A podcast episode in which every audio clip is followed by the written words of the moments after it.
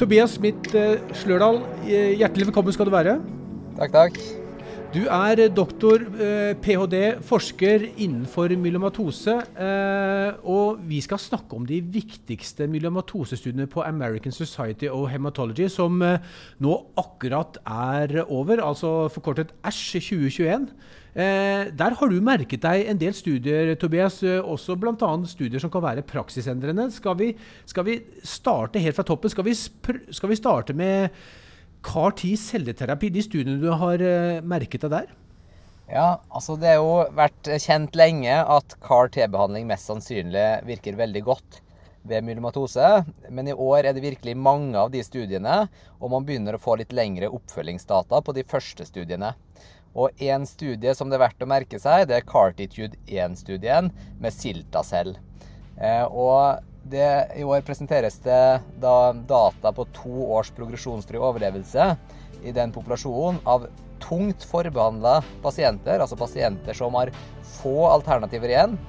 Og Der oppnår man en to års progresjonsfri overlevelse på 60% Sånn Median progresjonsfri overlevelse er ikke nådd ennå i denne populasjonen. Og det er mm. imponerende tall. Mm. Vi, vi, ser jo også, og kan vi bare legge til, eh, Tobias, at, at, eh, disse dataene holder seg godt over tid. Altså Nå er det som du nevnte, toårsdata. og de har rapportert eh, jevnlig både på eh, Ash i fjor og nå på ASKO i sommer. Og, og, og tallene holder seg oppsiktsvekkende bra.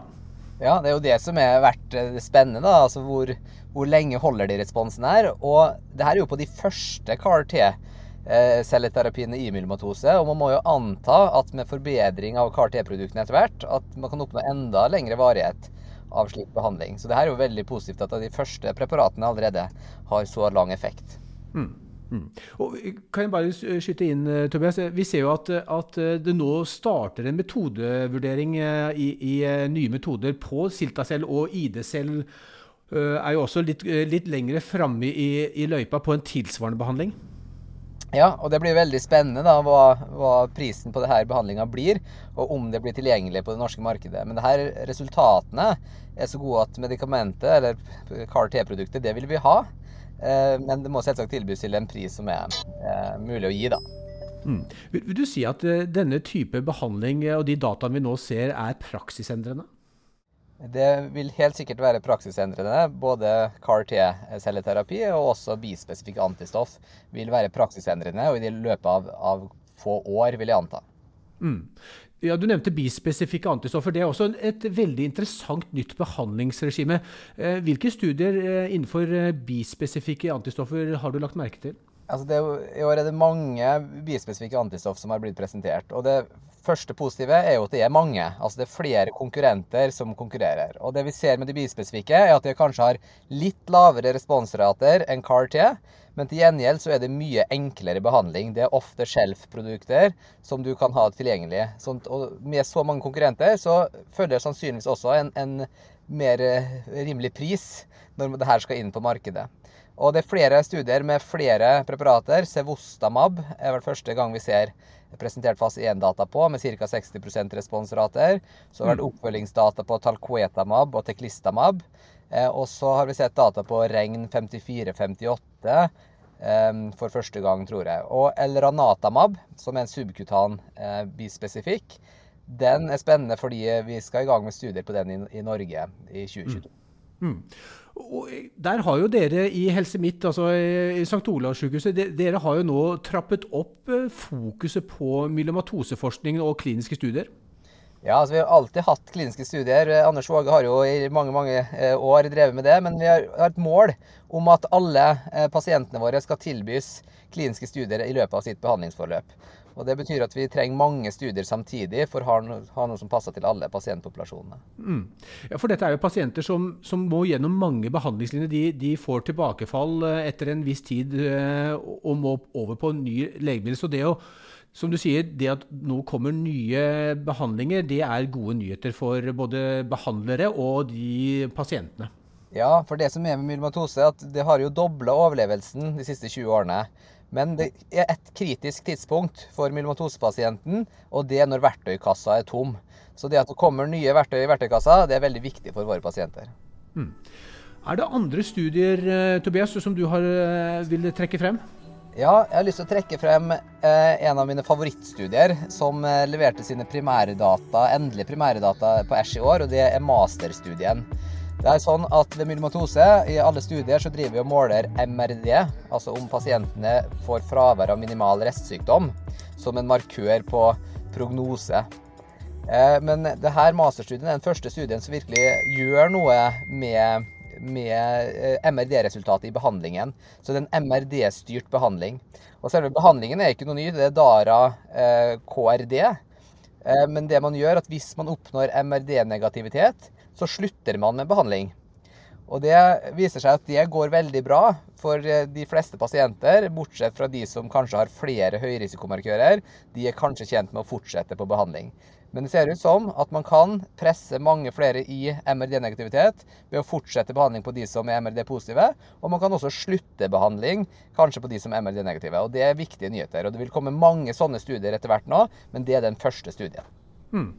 Uh, vi vil også si kanskje noen ord om eh, et, en, eh, et, et produkt som heter Isatuximab. Altså det er en, noen har i hvert fall, hvis vi ser på kommentarene i andre medisinske tidsskrift så, så, kaller de en ny standard for nydiagnostiserte myelomatosepasienter. Eh, hva tenker du om det?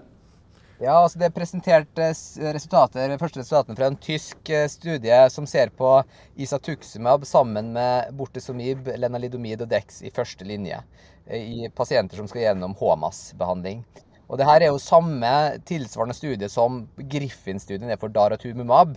Og det eneste de her studiene viser, er at å legge til daratumumab, et CD38-antistoff i første linje, til standardbehandlinga, det gir dypere og lengre remisjoner. Og det vil nok de to studiene, Griffin og, og den tyske HD7-studien, eh, vil nok eh, være praksisendrende om, noen år ved at man gir kvadruppelbehandling i første linje.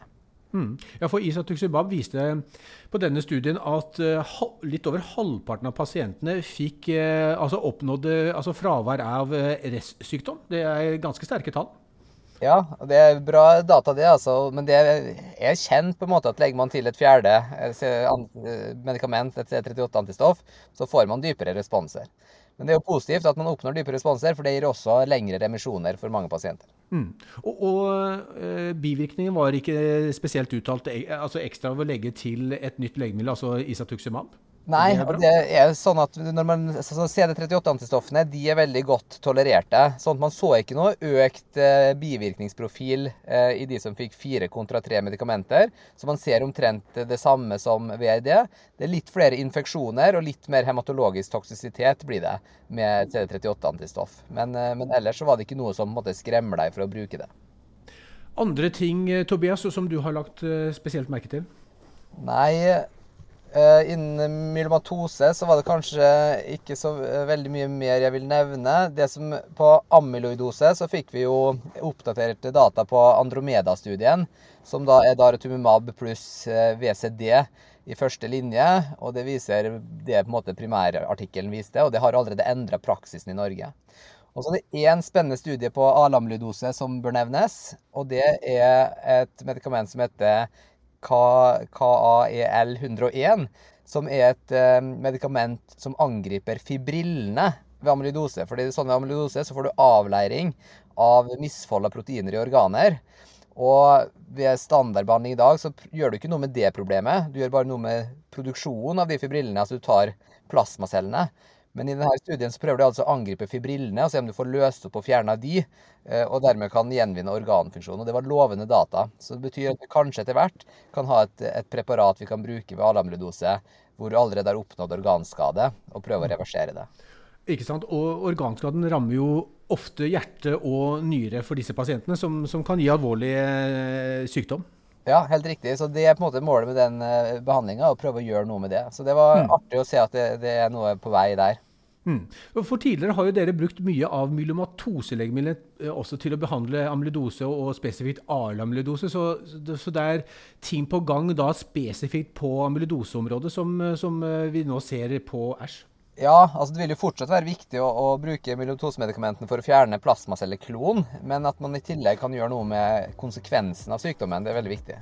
Mm. Tobias Smith Slørdal, Tusen hjertelig takk for at du ville være med oss og oppsummere mm, Æsj 2021. Et, eh, vi kan vel si at dette var et, eh, et veldig faglig sterkt eh, møte? Absolutt. altså jeg synes I år var det mange spennende data og bekreftelse på at det her kommer til å bli mye praksisendrende forskning de kommende fire, fem, seks årene. Mm. Og du skulle etter planen ha vært borte i USA for å fulgt konferanse direkte. Det ble det ikke anledning til, eh, men eh, kanskje neste år? Vi får satse på at det blir neste år.